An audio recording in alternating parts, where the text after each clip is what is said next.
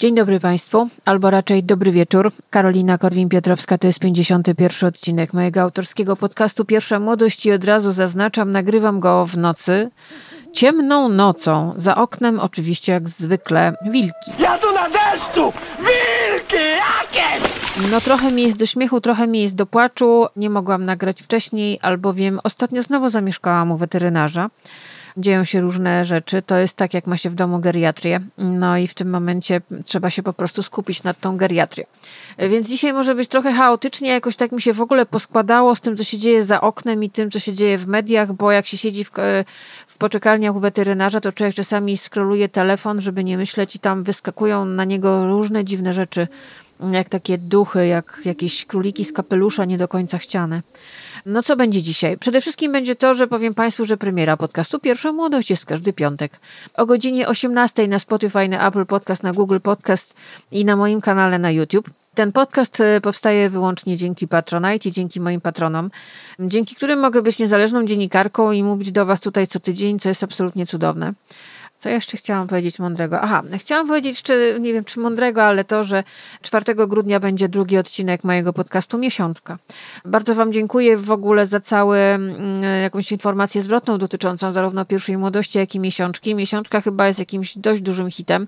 Pytacie, czy będzie coś więcej? Proszę Państwa, ja Wam na razie nie powiem, ile ja wydaję na te podcasty, ale to nie są tanie rzeczy, chociażby dlatego, że u mnie ludzie zarabiają i to wszystko jest robione na legalu. W związku z tym to kosztuje. Więc jak mam Patronite'a, to na razie mogę to robić, ale też z tego jakoś żyję. A ostatnio tak nie ukrywam, bo za tym, że gardło mam cały czas do niczego, to jeszcze mi psychorują, a w ogóle to jest zimno i mam ochotę zawinąć się w gruby koc albo jakąś kołdrę pikowaną, koniecznie z wełny i po prostu zasnąć. A wiem, że nie można. I w związku z tym dzisiaj będzie tak y, trochę powiedziałabym nostalgicznie. ten odcinek ma premierę w Black Friday. Proszę Państwa, to ja Wam chciałam po powiedzieć, że pamiętajcie, że każdego dnia wyrzucamy tyle ubrań, ile wypełniłoby koloseum. Każdego dnia ludzkość wyrzuca tyle ubrań, a z klimatem jest coraz gorzej, tak a propos ubrań, które kupujemy w Black Friday, bo okazuje się, że krytyczny próg został przekroczony. Średnia globalna temperatura po raz pierwszy przekroczyła krytyczny próg 2 stopni Celsjusza powyżej poziomu sprzed epoki przemysłowej.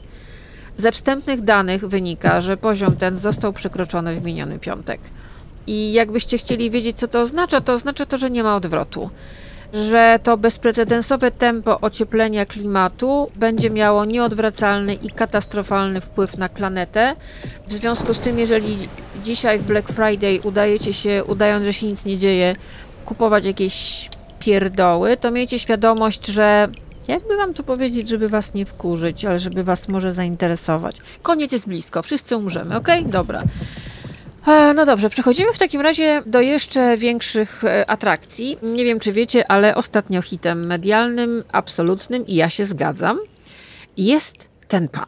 Głosowało 452 posłów, za 245, przeciw 191, wstrzymało się 16. Stwierdzam, że Sejm propozycję, aby w dyskusji nad tym punktem porządku dziennego Sejm wysłuchał trzyminutowych oświadczeń w imieniu klubów i koła, przyjął. E, w, gdzie mamy listę mówców? Niestety. Mieliśmy przed chwilą. Bardzo cenię Państwa komentarze i uwagi, natomiast zwracam też uwagę z mojej perspektywy, że stają się odrobinę monotematyczne. Zachęcam do większej oryginalności, pracy intelektualnej. Obrazić też trzeba umieć.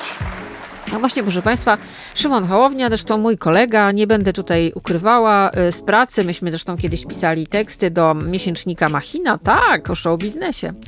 Został marszałkiem Sejmu i okazało się nagle, że ludzkość zamieszkała w pięknym kraju nad Wisłą, czyli Polacy, po prostu się zachwycili, bo okazało się, że głosowali tak mm, chętnie dobijając naprawdę do wspaniałego wyniku frekwencyjnego, no, żeby zobaczyć w telewizji, w internecie, na YouTubie, słuchajcie, 800 tysięcy wyświetleń miało pierwsze posiedzenie Sejmu, drugie nie gorzej, żeby nagle zobaczyć, że no, marszałkiem Sejmu został koleżka, nazwijmy rzecz po imieniu, który kiedyś pracował w telewizji, kiedyś chciał być księdzem, Potem chciał być prezydentem, a teraz został marszałkiem Sejmu i robi to tak, że wszystkim po prostu szczęki opadają. Dla mnie to jest nic dziwnego, bo moim zdaniem Szymon Hołownia jest jednym z inteligentniejszych, bardziej ironicznych, sarkastycznych i lepiej wykształconych ludzi, jakich poznałam.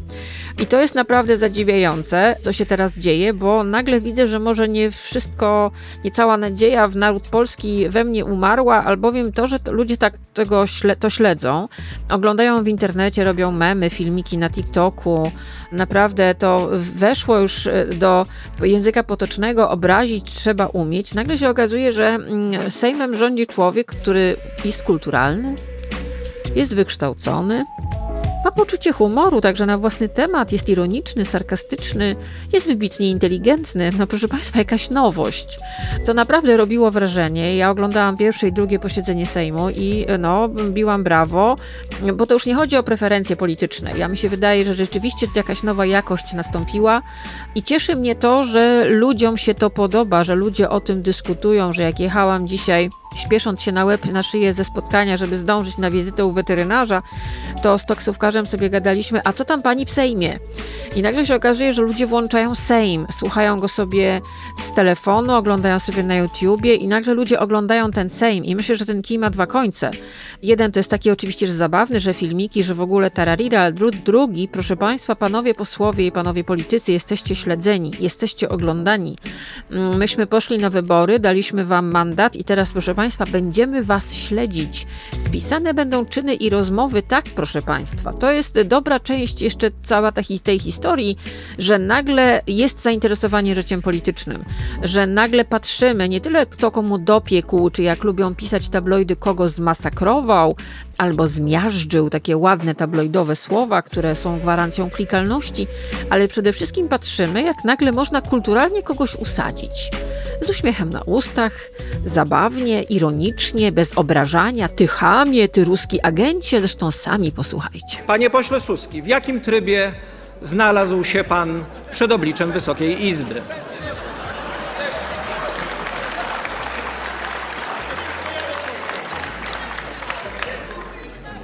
Ta obecność mnie cieszy, natomiast został zgłoszony wniosek formalny. Jak pan się pewnie orientuje, wystąpił już jeden z posłów jako przeciwnik tego wniosku formalnego. W jakim trybie chce pan wystąpić, panie pośle Marku Suski? Przyzwyczajenie, drugą naturą człowieka. Wszystko to jasne. Bardzo dobrze. Pan poseł w jasny sposób zawiadomił mnie, iż występuje tutaj na mównicy jako poseł i zgłosił sprzeciw do wniosku formalnego.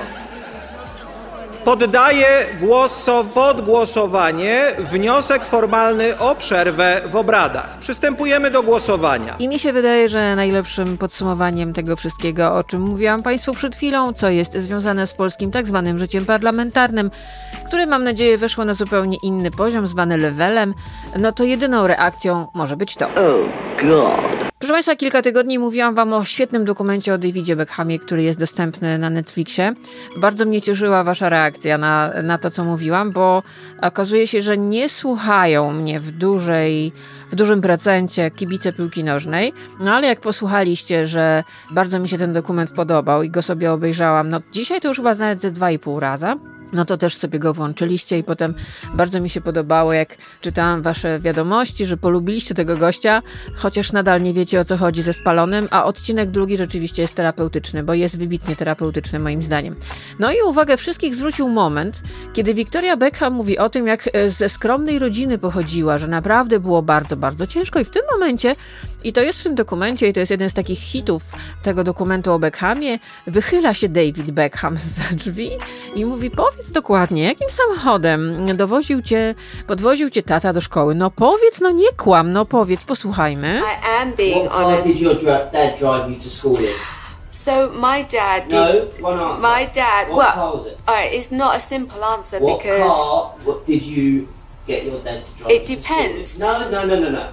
Okay, what in the 80s, my dad had a Rolls Royce. Thank you.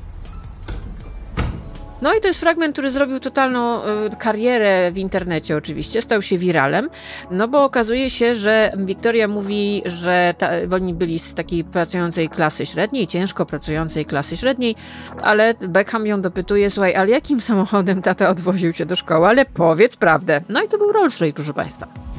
No i teraz się okazuje, że Victoria Beckham postanowiła zareagować na to, co się stało po premierze tego dokumentu, bo wszyscy no, wskazywali na tę scenę i tak trochę ironicznie, żeby nie powiedzieć złośliwie.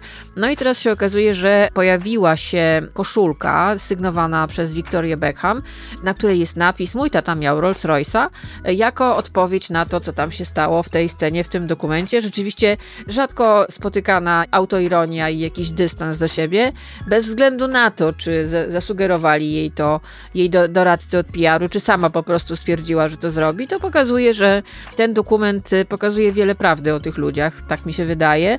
Przede wszystkim to, że to, co wam mówiłam, że to jest rzeczywiście bardzo silna i bardzo fajna, przede wszystkim przyjacielska relacja między tymi ludźmi i oni się po prostu lubią i szanują, a cała reszta no właśnie, i jedyne, co mi się z tym wszystkim skojarzyło, wiecie, naprawdę przysięgam, jak pisałam scenariusz tego podcastu, to pomyślałam sobie, tutaj powinno wejść to. Coś, co jest też absurdalne, autoironiczne, zwariowane i pokazuje pewną głupotę tego świata. Ja myślę, że jak posłuchacie, to będziecie wiedzieli, o co chodzi. Voila, oto Katarzyna Wielka. Czy znana jest panu ta osoba? Ale kto? Przepraszam. No ta o pseudonimie Caryca, która tam przez pana miała być prowadzona. No, no przepraszam, ale nie znam Carycy. Jedyną, którą znam, to Katarzyna. Katarzyna. A może pan podać nazwisko?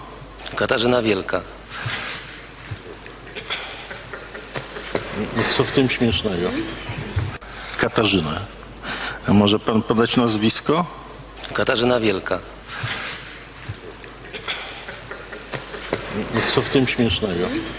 Katarzyna Wielka miała dość e, wojenne usposobienie i dzisiaj będzie o wojnie. Jak e, mówił Albert Einstein, dopóki na świecie będzie istniał człowiek, będą też wojny, a Zofia Naukowska w medalionach napisała ludzie ludziom zgotowali ten los.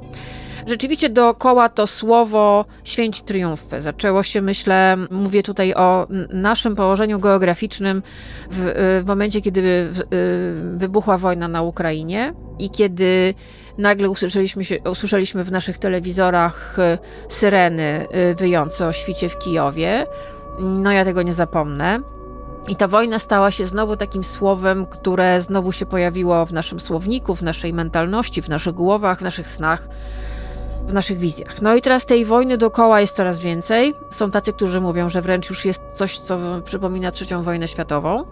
Tylko nikt oczywiście tego nie mówi głośno, bo, się, bo nie chcą, żeby ludzie się bali. Do tego jeszcze jest historia na Bliskim Wschodzie, która znowu dzieli nas, dzieli ludzi i jest klasycznym przykładem tego, jak działa dezinformacja, jak działają fake newsy, jak działają różne dziwne konta w internecie, jak działają nasze emocje i jakie to wszystko jest potwornie skomplikowane. Nie, nie będę wam mówiła o Bliskim Wschodzie, bo wbrew mm, niektórym osobom, które puszczają różne filmiki, fejki na e, TikToku czy na Instagramie, ja nie, nie uważam siebie za ekspertkę. Może przeczytałam parę rzeczy, może sobie posłuchałam paru ciekawych podcastów. Notabene patroni dostaną listę ciekawych podcastów i profili na Instagramie, które pokazują tę sprawę w miarę obiektywnie, bo tutaj trudno jest być w ogóle moim zdaniem obiektywnym.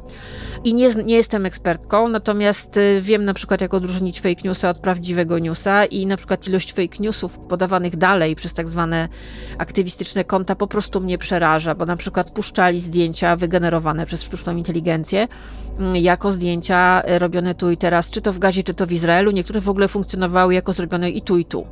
No przepraszam bardzo, ręce opadają i nogi. To się wszystko działo, szczególnie na początku, w jakichś potwornych emocjach.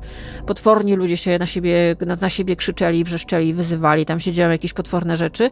A ja sobie pomyślałam, że w ogóle pogadajmy sobie może trochę o wojnie, bo uderzyła mnie informacja, która pojawiła się kilkanaście dni temu na TikToku. Jest taki nowy trend. Amerykańska młodzież siada w swoich ciepłych, ogrzewanych pokojach na tle ładnych ścian, w fajnych mieszkankach i mówi, że generalnie Bin Laden był spoko. To jest taki nowy trend. Na TikToku, słuchajcie, w 2023 roku, za chwilę będzie 2024, kiedy wyrosło pokolenie, które nie do końca łapie, co się stało 11 września. Tak, wyrosło już takie pokolenie. No i to pokolenie teraz generalnie uważa, że Bin Laden w swoim słynnym liście do Ameryki, który napisał niedługo po atakach z 11 września, które nazywano wybuchem wojny ze całym światem i które zmieniły świat na zawsze, no nagle oni uważają, że to jest w ogóle, w ogóle to jest spoko i że on w ogóle miał rację. I jak się słucha tych filmików, ja parę niestety obejrzałam, żeby wiedzieć, co, co jest grane, to po prostu zastanawiałam się, no, dlaczego to się dzieje na TikToku, które jest medium z Chin i które wyciąga od nas dane i generalnie nas inwigiluje na skalę niespotykaną i w ogóle jak nisko można upaść, jeżeli chodzi o poziom edukacji, bo chyba nie jest tym najlepiej, i jak w ogóle nisko można upaść, jeżeli chodzi o poziom świadomości tego, czym jest terroryzm. My bardzo lubimy szafować różnymi słowami, określeniami po obejrzeniu filmu na Netflixie albo jakiegoś dokumentu na YouTubie uważamy się za ekspertów. Żyjemy w chorych czasach. Ja od razu chciałam Wam zaznaczyć, ja nie jestem ekspertką ani od Bin Ladena, ani od Bliskiego Wschodu, ani od Dalekiego Wschodu, ani od Rosji, ani od Ukrainy. Nie, absolutnie nie. Od tego są mądrzy ludzie, którzy piszą mądre książki, którzy tam byli, którzy znają języki, a nie tylko siedzą w swoich ciepłych mieszkankach, piją herbatkę i nawalają w klawisze telefonu.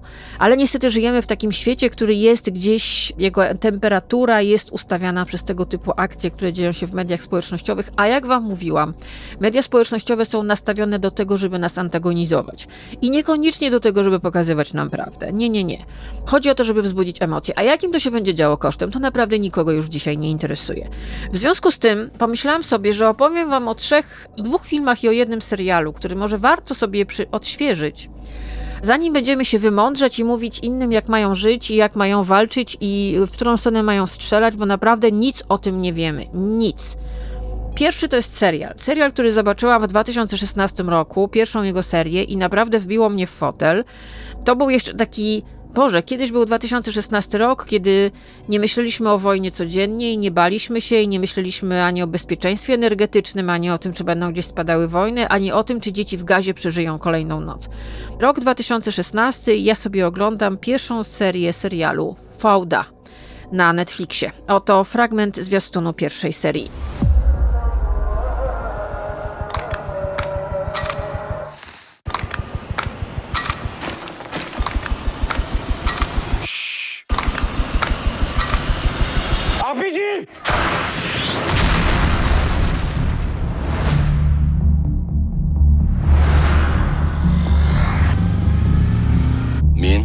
هذا المقدسي هنا علاقة مع حماس فتش عليك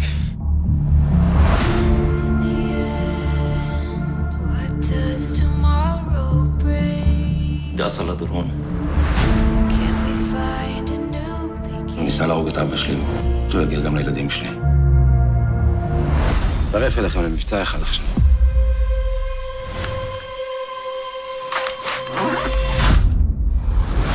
Fauda, proszę Państwa, to znaczy chaos. I to jest serial nakręcony w Izraelu. Stworzony został przez Liora Raza i Aviego Isa Sharofa. On był od 15 lutego 2015 roku emitowany w Izraelu przez stację, która jako jedyna wyłożyła na niego pieniądze, bo nikt nie chciał. To była stacja Yes Och. A w Polsce w 2016 roku, pamiętam, na gwiazdkę go sobie oglądałam. On był udostępniony od grudnia 2016 roku na Netflixie. Tego serialu nikt nie chciał w Izraelu wyprodukować, nikt nie chciał go dofinansować, ponieważ uważano, że on jest y, niedobry. Y, niedobry dlatego, że pokazywał historię no, praktycznie po obu stronach, że tak powiem, barykady.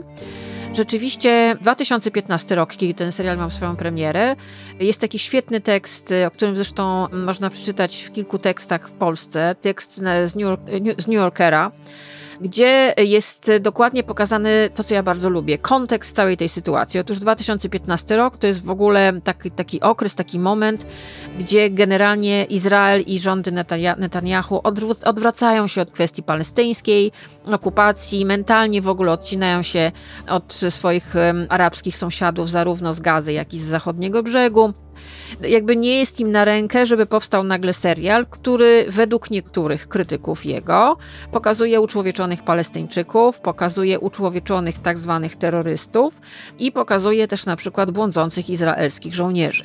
No bo to jest opowieść bardzo wielowątkowa. Akcja rozgrywa się we współczesnym Izraelu oraz w Palestynie na zachodnim brzegu i w strefie gazy w autonomii palestyńskiej, a tłem jest konflikt izraelsko-palestyński, czyli to jest dokładnie coś, co teraz oglądamy oglądamy w mediach całego świata, a głównie niestety w mediach społecznościowych. Nakręcono w sumie cztery serie tego serialu. Ma być piąta, jest nakręcona. Nie wiadomo, co z nią będzie, bo dwóch członków ekipy zginęło teraz w, w, w, trwającej od października w wojnie, niestety, ponieważ cała prawie ekipa walczy teraz na froncie. Oni są żołnierzami. Żołnierzami w regularnej armii Izraela, ale serial jest podobno nakręcony, ale jego premiera, według tego, co ja usiłowałam się gdzieś tam dowiedzieć w internecie, ma być na 2024 rok. Ale co będzie, to naprawdę nie wiadomo. Okazuje się, że część z tych wątków, które są pokazane w serialu Fauda, inspirowana jest prawdziwymi wydarzeniami. Jeden z twórców serialu, Lior Ras, na przełomie lat 80. i 90. XX wieku był w siłach obronnych e, Izraela i on był tam komandosem bardzo elitarnej, tajnej jednostki antyterrorystycznej, czyli on walkę z terroryzmem poznał, że tak powiem, na własnej skórze. No i rzeczywiście on współpracował przy stworzeniu tego scenariusza i domyślam się, że wiele scen, wiele wątków, wiele postaci, wiele mechanizmów, które tam rządzą życiem tych ludzi, powstało dzięki niemu. Ten serial, mimo bardzo krytycznego czasami odbioru w samym Izraelu, dostał bardzo wiele nagród, między innymi nawet Izraelskiej Akademii Filmowej i Telewizyjnej w 2016 roku, także za najlepszy serial dramatyczny. Ale tak jak mówię, serial był dość kontrowersyjnie odbierany, chociażby dlatego, że tam pojawia się normalnie na równi z hebrajskim język arabski. Pojawiają się Arabowie i niekoniecznie każdy z nich, że tak powiem, jest wojującym terrorystą. I ten arabski słychać tam często i też na przykład krytycy, no było, było znak zapytania duży, jak w ogóle odbiorcy przyjmą to, że nagle okazuje się, że Izraelczycy normalnie tam potrafią z Arabami rozmawiać, niekoniecznie od razu idzie na noże, że mało tego tam dochodzi do wątków romansowo-erotycznych między Arabkami, a, a, Izraelczykiem jednym i że ci antagoniści nie zawsze muszą być antagonistami i że, to, i że ten świat nie jest czarno-biały. Ja obejrzałam wszystkie cztery sezony Faudy i wiem jedno. On jest, ten serial jest trochę nierówny i oczywiście można mówić, że są lepsze, gorsze sezony, ale on przede wszystkim pokazuje jedną bardzo ważną rzecz, która dzisiaj w 2023 roku, kiedy każdy po obejrzeniu jednego jakiegoś materiału na YouTube jest ekspertem od, od tego rejonu, on pokazuje, że świat nie jest czarno-biały. Od początku założeniem fałdy jest pokazanie tego, że tutaj nie można decydować za tych ludzi, którzy tam mieszkają i że ta historia jest bardzo wielowątkowa, jest potwornie trudna, jest bardzo złożona. I sami twórcy tego serialu, na pytanie dziennikarzy, ja czytałam taki wywiad, jeden z nimi, gdzie powiedzieli, że dla nich ta sytuacja jest nie do rozwiązania, jeżeli chodzi o współistnienie Izraelczyków, Arabów, Palestyńczyków, że, że dla nich to jest w ogóle sytuacja, to jest jak węzeł gordyjski i że tu nigdy nie będzie tak, że wszyscy będą zadowoleni, co jest dość potworne, ale myślę, że może być też dość prawdziwe. Z drugiej strony, zresztą widać, to nie ma, że tak powiem, równości w pokazywaniu świata izraelskiego i palestyńskiego. Niektórzy mówią, że tej, tego palestyńskiego jest trochę mało, ale ja uważam, że jak na to, co tam jest i że to jest jednak izraelski serial, to jest tego naprawdę bardzo dużo. I też, co jest moim zdaniem ważne i co wpłynęło w ogóle na odbiór tego serialu, to jest to, że dano widoczność Palestyńczykom i oni tam występują w wielu momentach jako równy z równym. I to niekoniecznie muszą być terroryści z Hamasu. Od razu to powiem. Nie. To są ludzie bo rzeczywiście ten, ten, ten, serial moim zdaniem pokazuje też taką rzecz, o której my bardzo zapominamy, że wiecie, tam gdzieś politycy coś robią, są jakieś wojny, ale w tym wszystkim są ludzie. I to zwykle jest tak, że jak jest wojna, a tam jest praktycznie permanentna, ciągła wojna i tam cały czas padają strzały, cały czas spadają bomby, od października tego roku bardziej, ale tam cały czas giną ludzie. Tam nie ma tak, że jest dzień, że ktoś nie zginął. Tam są wszyscy przyzwyczajeni. W Izraelu ludzie mają aplikację, która służy do tego, że informuje ludzi o alarmach przeciwlotniczych. To jakby jest. Ludzie tam są przyzwyczajeni do tego, że żyją w stanie wojny i że w każdej chwili może na ciebie spaść bomba. My tego na szczęście nie znamy, a wy, wymądrzamy się jak po prostu nie wiadomo kto.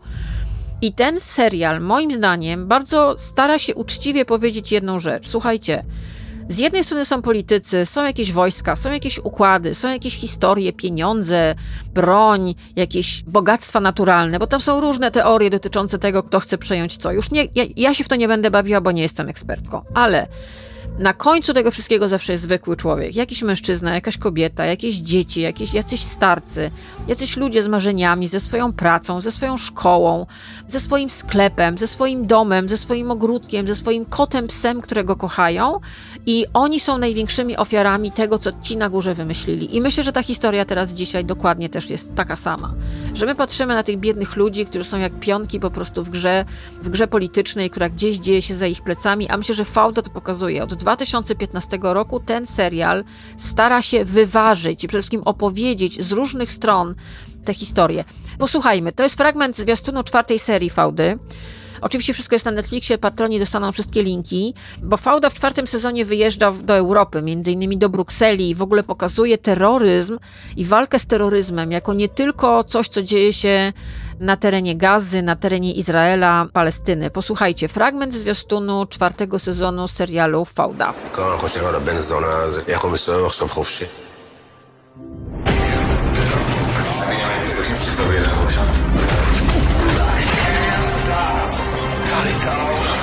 اطلعوا من السيارة ابعدوا انت يهودي؟ أنا يهودي؟ تضحك علي؟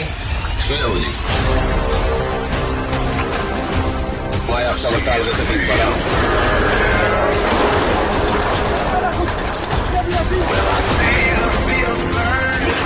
انت من هون إحنا اثنين من كل خطأ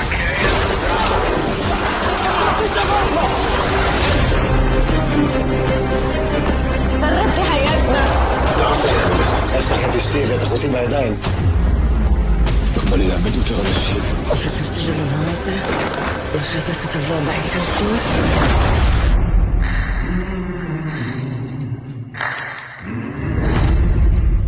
Co jest też ciekawe, w Faudzie są kobiety, w Faudzie są bardzo ciekawe postacie kobiece. Między innymi mamy taką postać, która jest lekarką we Francji, wykształconą. Ona pracuje w palestyńskim szpitalu. Okazuje się, że niestety jeden, jest jej kuzyn, jest y, współpracownikiem pewnego terrorysty, na którego Izrael no, ostrzy sobie zęby i ona zostaje wciągnięta w walkę, której nigdy nie chciała prowadzić. To jest ta opowieść o tych ludziach, którzy nagle stają się bronią w ręku innych ludzi, którzy zostają wkręceni w jakieś historie, w które nigdy nie chcieli być wkręceni. Oni chcieli mieć normalne życie, w tym wypadku ona chciała być lekarką i normalnie ratować ludzi. To się okazuje, że nie, że polityka i że kwestie rodzinne kompletnie rozwalają jej życie. Tyle powiem.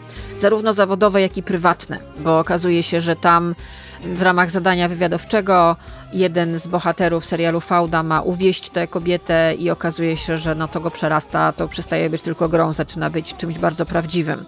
Są przeróżne postacie kobiece, zarówno od strony izraelskiej, jak i od strony palestyńskiej i pokazane są bardzo uczciwie i to są kobiety na no, pierwszoplanowe postacie, co też dla tych, którzy mówią, że kobiety nie mają praw w świecie arabskim, no to, to stawia to wszystko pod znakiem zapytania. Powiem wam tak, zanim się zaczniemy wymądrzać o świecie, o, którego, o którym nie mamy zielonego pojęcia, na podstawie jednego TikToka jednego postu na Instagramie, to czasami warto zobaczyć coś, co wyszło stamtąd, wiecie, z tamtego rejonu, nakręcone przez tych ludzi, z udziałem aktorów, którzy są z tych, z tych, z tych nacji.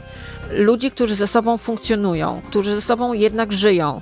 Nawet teraz, całkiem niedawno, pojawił się taki film, który nie wiem, jakoś nie był specjalnie dystrybuowany w internecie, a szkoda, kiedy zarówno Palestyńczycy, jak i Izraelczycy modlili się o to, żeby ta wojna się skończyła na początku wszystkiego są ci zwykli ludzie, którzy mają swoje, swoje życie, swoje marzenia, szkoły, sklepy, dzieci. Chcieliby normalnie funkcjonować, budzić się rano, jeść śniadanie, iść do pracy, a tu się nagle okazuje, że spadają na nich bomby i oni by chcieli, żeby to się wszystko skończyło. Ja wam bardzo radzę, żebyście te fałdy zobaczyli. To są cztery sezony. Uwaga, to one cholernie wciągają. Znaczy, to jest coś takiego, że nie da się tego obejrzeć, że tak powiem, na jednym wdechu. Tutaj trzeba sobie robić przerwy. Zresztą teraz posłuchajcie, to jest e, zajawka, którą znalazłam, bo rzeczywiście w internecie jest kilka mm, zajawek dotyczących piątego sezonu Faudy. No bo fani przebierają nóżkami. Ja też zaliczam się do fanek tego serialu. Uważam, że jest naprawdę świetnie zrobiony i jest po prostu jest ciekawy, o coś w nim chodzi. On chce coś przekazać I mimo, że opowiada o tym, że Izraelczycy walczą z terrorystami, to się okazuje, że ta walka też nie jest czarno-biała i że ci ludzie nie są czarno-biały. Fauda jest unurzana we wszelkich odcieniach szarości, co dla mnie jest absolutnie na plus nie generalizuje, nie ocenia, nie wyklucza, pokazuje pewne sytuacje.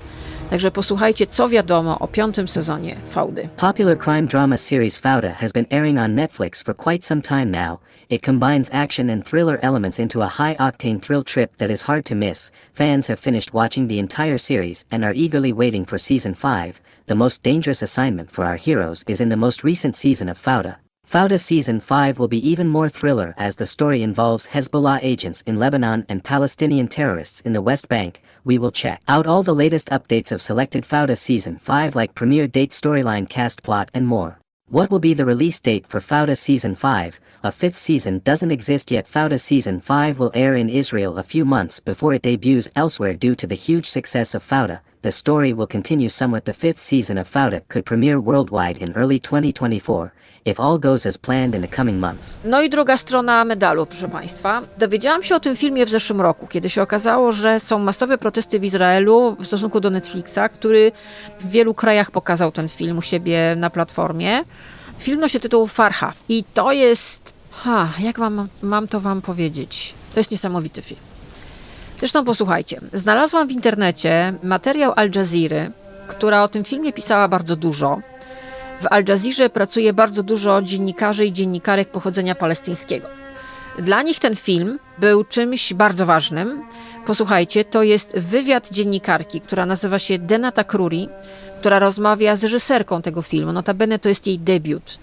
Reżyserka filmu Farha, Darin Salam, mówi o tym, że ten film przede wszystkim dlatego spotyka się z tak ogromnym protestem ze strony Izraelczyków, bo pokazuje pewną prawdę. Prawdę, którą oni próbują wy wyprzeć, wyrzucić z głowy, dotyczącą genezy i początków powstania państwa Izrael. Zresztą sami posłuchajcie. Why did Israel try to cancel this Netflix film? Israeli government is condemning the global streaming channel Netflix. Praise and criticism for Netflix's release. I'm talking about Farha, a movie movie that tells the story of a 14 year old Palestinian girl who experienced the violence that came with Israel's creation. It's one of very few fiction films to depict what Palestinians experienced back then. And Farha isn't the only film that Israel has censored and attacked. I met up with director Darin Salam to hear why she made Farha and why it sparked a crisis for Israelis. Why do you think so many Israelis were so outraged and upset by your film? Because I think it shows their truth, a truth that they're trying to hide for so long. What they call the Day of Independence is our catastrophe, Nakba, and they don't want to.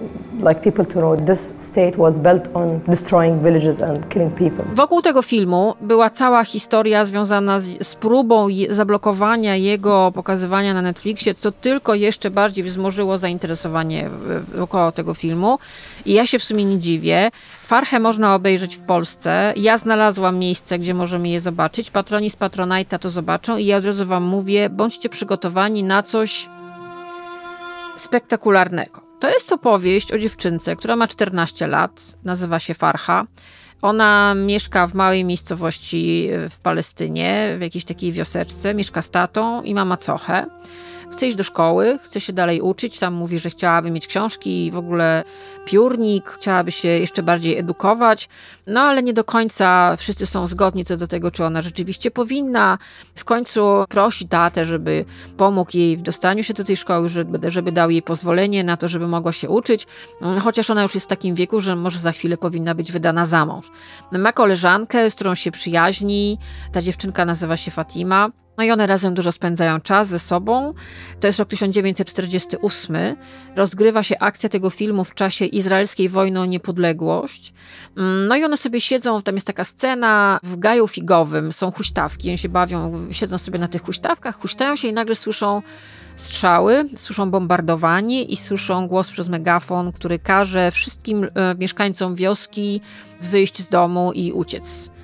No i one uciekają do tej miejscowości. Farha biegnie do swojego taty Tam są takie sceny wcześniej, że mm, jej tata prawdopodobnie ma związek e, z wojownikami o niepodległość Palestyny.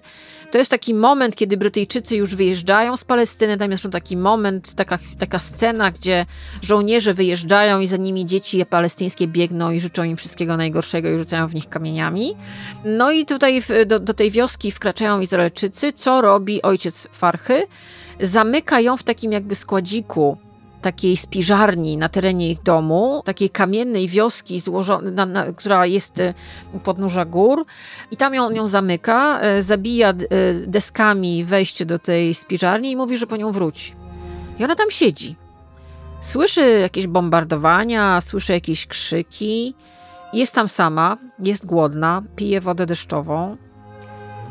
Samotne 14-letnie dziecko, które jest zamknięte w składziku, słyszy różne dziwne odgłosy. To jest bardzo ciekawy zabieg, że to, my to co się dzieje wokół, słyszymy, widzimy przez, przez oczami tej dziewczynki. Myślę, że każde dziecko z różnych miejsc świata mogłoby się znaleźć w takim miejscu. Mogłoby to dziecko mieszkać w Syrii, w Ukrainie, w różnych miejscach. I będzie kochający rodzice mogliby je schować w takim miejscu, bo chcieliby, żeby przeżyło. Bo rodzice mają przeczucie, że może idzie coś bardzo złego. No i w pewnym momencie do tego domu wchodzi rodzina palestyńska, uciekinierzy. No i Farcha zaczyna do nich krzyczeć, e, uderzać w drzwi i ojciec rodziny zaczyna odrywać częściowo te deski, którymi ojciec Farchy e, zablokował wejście do, tej, do tego składziku. Ja więcej wam nie powiem. My widzimy pewne sceny przez dziurę w drzwiach, bo Farcha cały czas tam siedzi.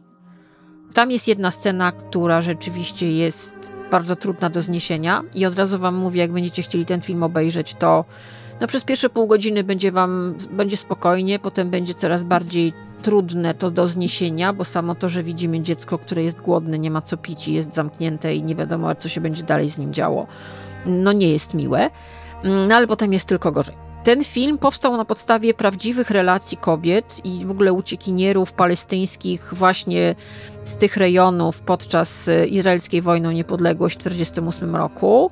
No a to jest bardzo ważna dla Izraela data, a dla Palestyńczyków to jest y, początek ich gehenny.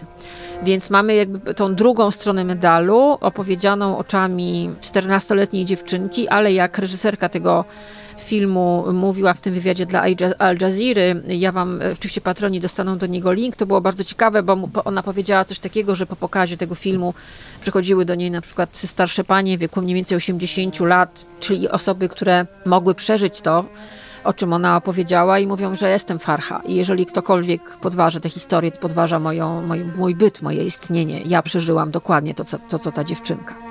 Ta dziewczynka przeżyła bardzo dużo, zdecydowanie za dużo jak na swój wiek.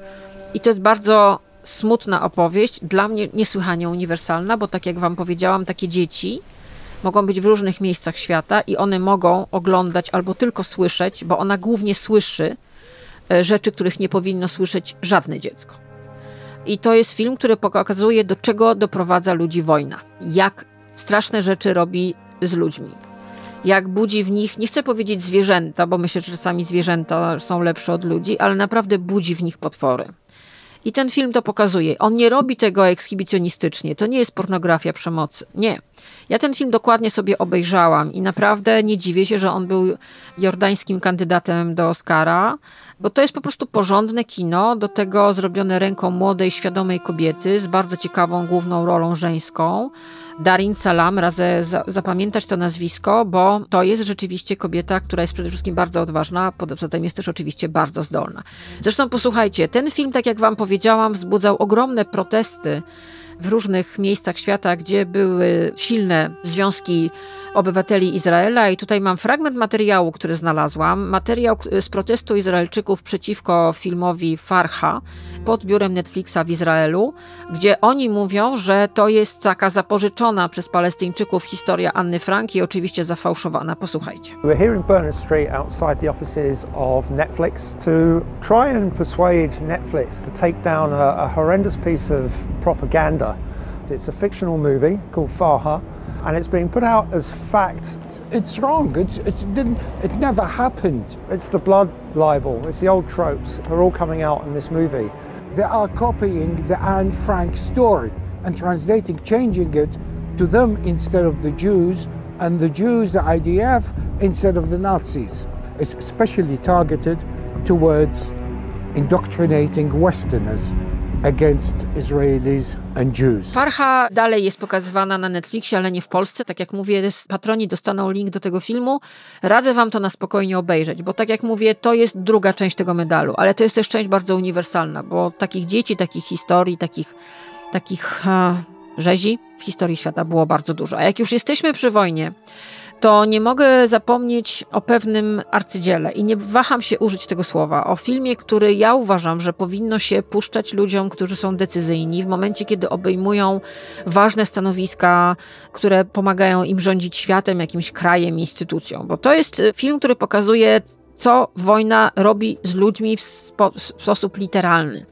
Film z 1985 roku wyreżyserował go Elem Klimow i film nosi tytuł Idź i patrz. Tak, to jest film radziecki. Ale proszę Państwa, moim zdaniem to jest absolutne arcydzieło kina wojennego. Tam pada takie zdanie w filmie Elema Klimowa z 1985 roku. Nie powinniście istnieć i misja zostanie wypełniona dziś albo jutro. No dobrze, to w takim razie może posłuchajmy fragmentu zwiastunu. Film jako arcydzieło znalazł się w kolekcji Kryteriona. Zresztą mam tę kolekcję w domu. To jest specjalna kolekcja najwybitniejszych filmów świata na Blu-rayu, słynna kolekcja Kryteriona i doczekał się ten film specjalnego wydania i to jest zwiastun, który, fragment zwiastunu, który powstał do tej edycji filmu i ci patrz na, w, w Kryterionie. Posłuchajcie. Скрывать от вас не будем. Время наступает тяжелое. Что такое блокада? Старые партизаны знают хорошо. Это и есть тотальная война Гитлера. Пожалей себя, сынок. Сынок. Простом Бог. Сердце-то у тебя есть. Ну что вы, мама? Ну все ждут. А я что? От каждого, от тебя каждого зависит. Зависит, сколько она еще протянется. Война. Трусом никому стать не дадим. Никому.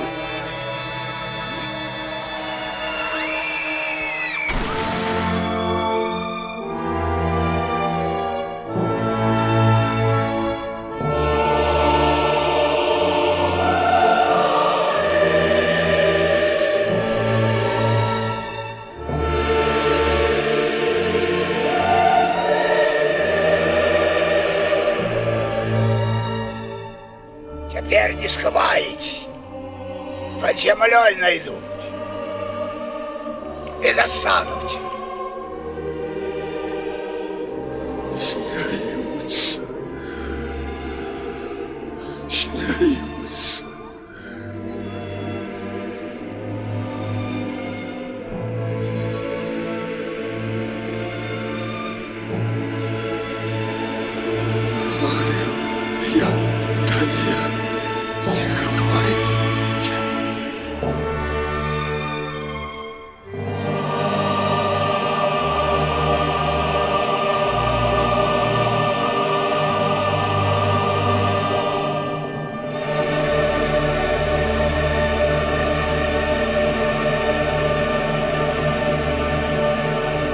Dobrze, o czym to jest?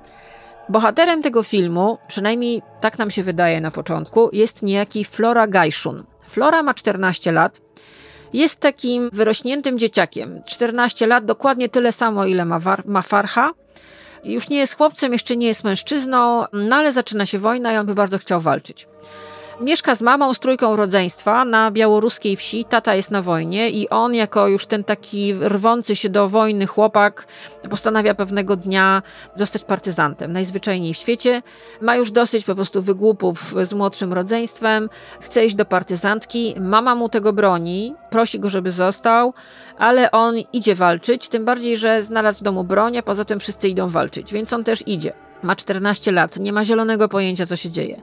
Na początku to jest, to jest jak taka sielska bajka. Opowieść o dzielnych partyzantach, którzy siedzą sobie w lesie, przy ognisku, czyszczą broń, robią sobie wspólną fotografię ku pamięci, gotują i jest wspaniale i nagle z nieba lądują niemieccy spadochroniarze, prawie tak samo jak partyzanci Hamasu wylądowali 7 października w Izraelu. Oni lądują po prostu z nieba, zaczyna się totalne bombardowanie. Flora wtedy jest w lesie z taką dziewczyną, która nazywa się Głasza, która też jest drugą równorzędną bohaterką tej opowieści. Ona jest prześliczną dziewczyną, taką typową słowiańską pięknością i oni się tam wygłupiają w tym lesie. No, ale zaczyna się wojna i to taka wojna, ale potworna. Udaje im się ukryć przed Niemcami. Całą noc spędzają na ziemi, przytuleni do siebie pod gałęziami w deszczu, no i jest y, potworna scena, potworny strach. No i Flora nagle idzie po rozum do głowy i stwierdza, że może w takim razie wróci do domu, tak? Do mamy by chciał wrócić. Ma 14 lat, jest dzieckiem. No i idzie do tej wsi.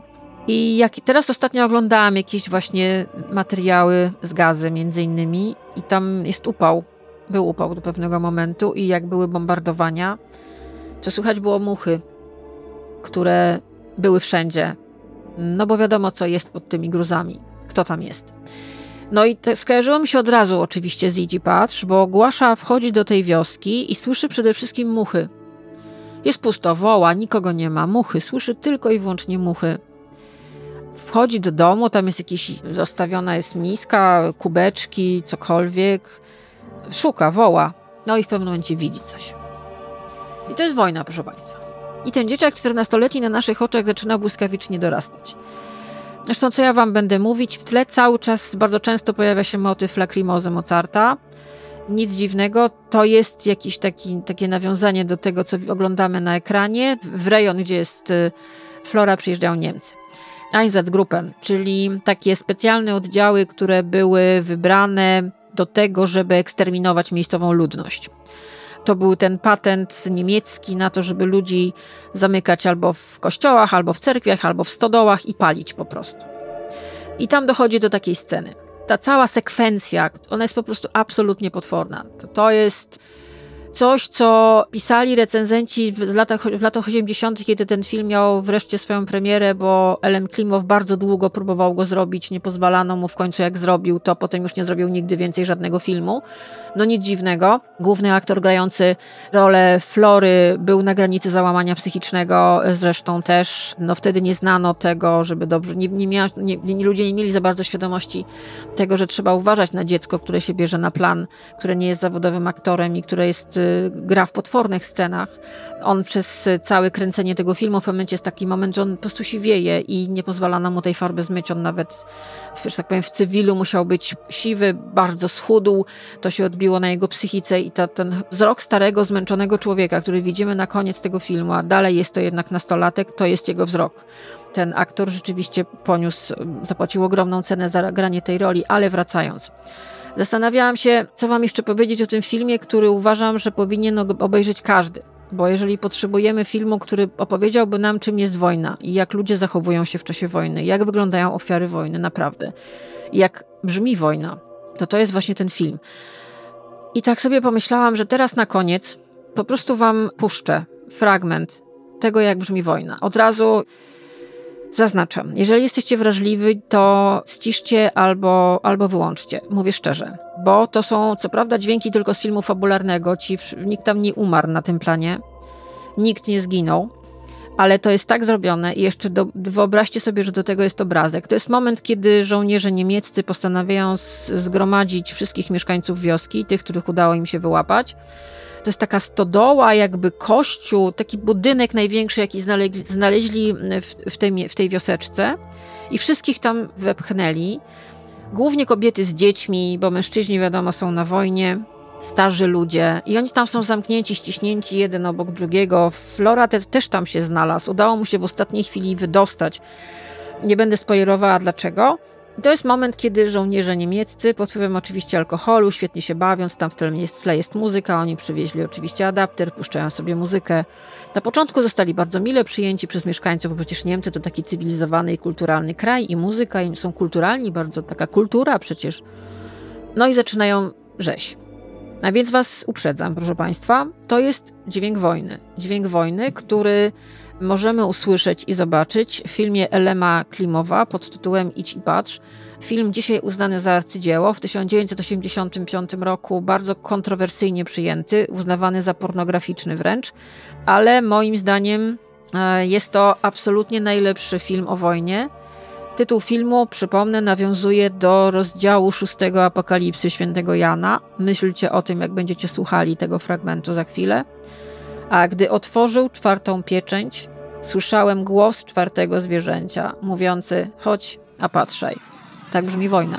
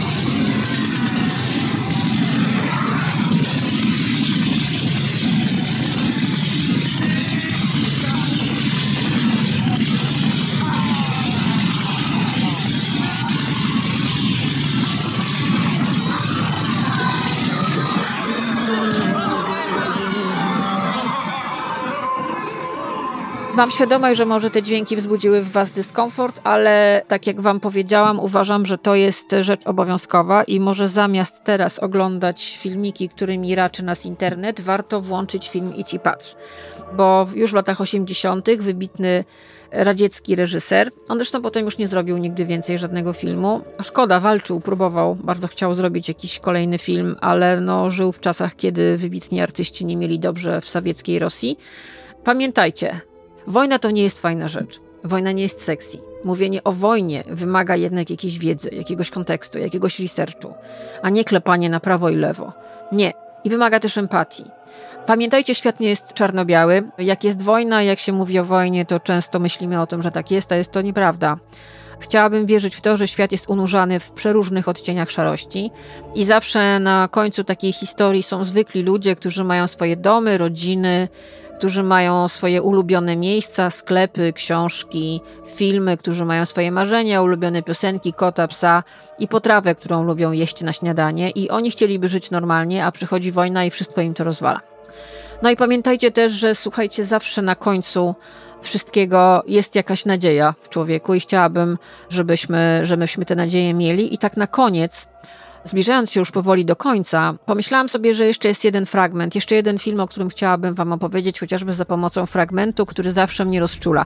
Sobie niedawno ten film włączyłam, zresztą po prostu przez przypadek, bo chciałam włączyć sobie nową wersję Blade Runnera i nagle mi wyskoczył stary Blade Runner i ja jak zahipnotyzowana przypomniałam sobie, jak oglądałam ten film w kinie wiele lat temu, jak strasznie mnie on wzruszył, jak strasznie we mnie uderzył i jak po latach teraz właśnie przez przypadek do mnie wrócił film z 1982 roku Ridleya Scotta, Blade Runner. I tam jest taka scena, jedna z piękniejszych scen filmowych. Jak oglądacie na przykład takie miksy na YouTubie, najlepsze sceny filmowe, zawsze jest ta scena. Zawsze jest ta scena, kiedy umiera Roy, grany przez Rutgera Hauera i patrzy na leżącego, mokrego, zmęczonego Decarda, czyli Harrisona Forda, któremu przed chwilą uratował życie. On umiera i mówi takie słowa. Widziałem rzeczy, którym wy ludzie nie dalibyście wiary. Statki szturmowe w ogniu sunące nieopodal ramion Oriona. Oglądałem promieniowanie skrzące się w ciemnościach blisko wrót Tannhäusera. Wszystkie te chwile zostaną stracone w czasie jak łzy w deszczu. Pora umierać. Posłuchajcie. Rok 1982 to jest też opowieść o wojnie. I to jest opowieść o tym, że Hmm. jakby to wam powiedzieć, wojna nie jest kreatywną rzeczą. Posłuchajcie. I've seen things you people wouldn't believe.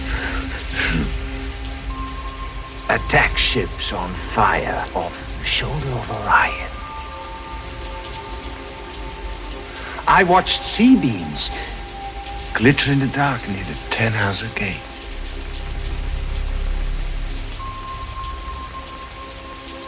All those moments will be lost in time.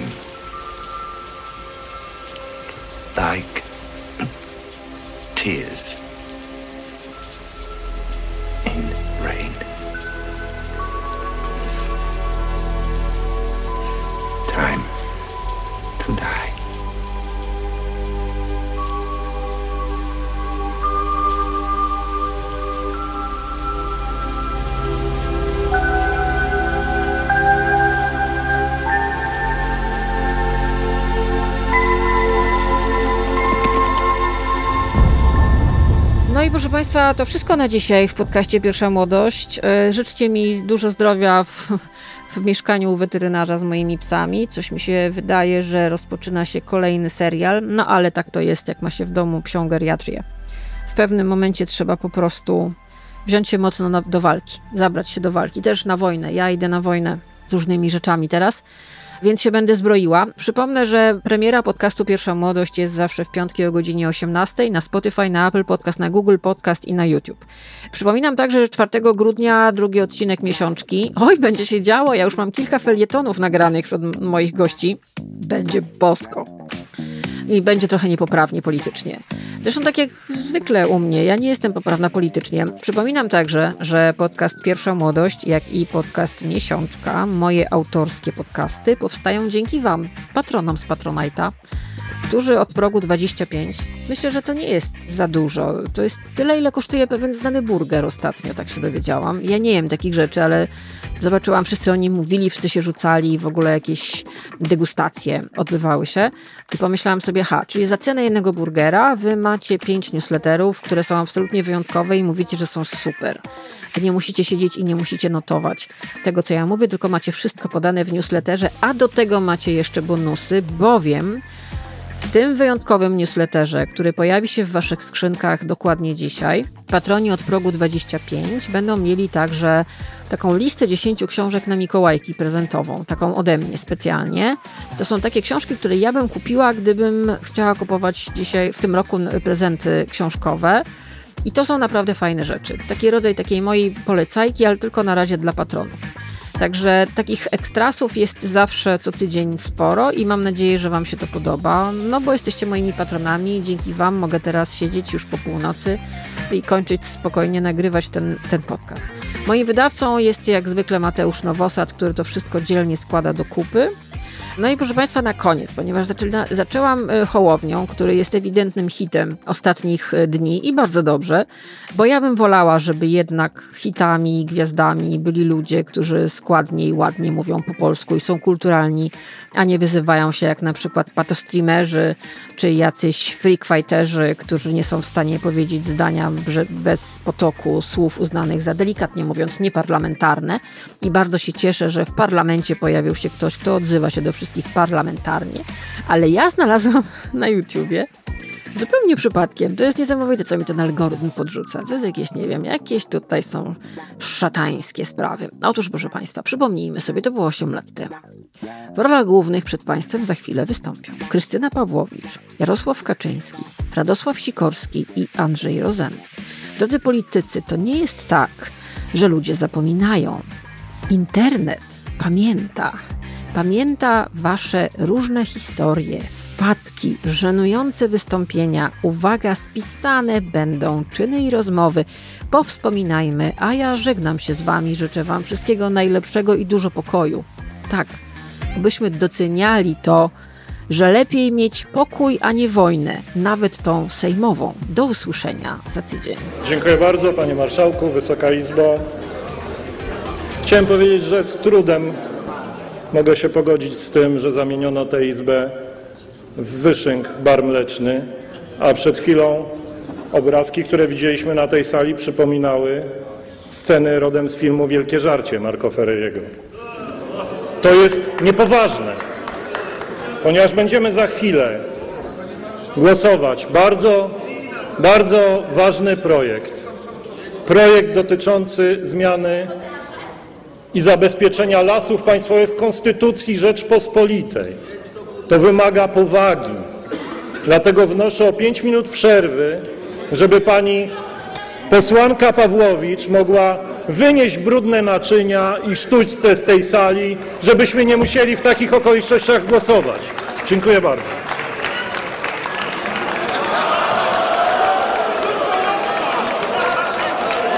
W jakim trybie, pani poseł?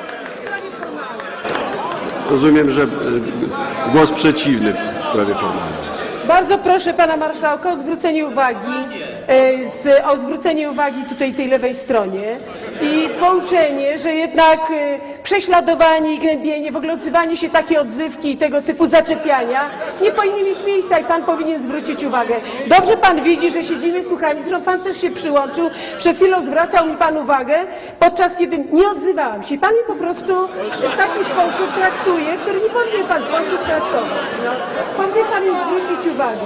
I pana postępowanie i tych tam, no ale to wiesz, komisja etyki, ale komisja etyki nie wywiązuje się ze swoich obowiązków, bo kiedy złożyłam skargę na pana marszałka do komisji etyki za odzywanie się do posłów i e, przeklinanie i opowiadanie, jak pan zaje i tak dalej opozycję komisją Macierewicza, to pani Brzygłocka, która przewodniczyła komisji, odmówiła od, od czerwca rozpatrzenia sprawy. Do pana składałam trzy razy wniosek o to, że pan zobowiązał komisję etyki do rozpatrzenia wniosku, który pan dotyczy i pan nie jest w stanie doprowadzić do, wyko- do wy- wykonania obowiązków. Uważam, że pan nie wykonuje obowiązków.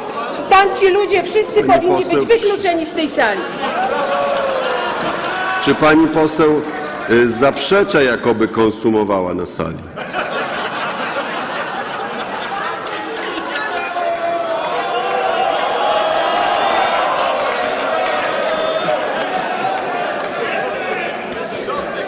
Proszę Państwa, Panie Marszałku Wysoka Izbo, formalnym. Panie pośle, w jakim trybie? Otóż ja, no ale jeżeli Pan nie jest w stanie tutaj przewodniczyć posiedzeniu Sejmu bez doradztwa tego Pana, który tu siedzi,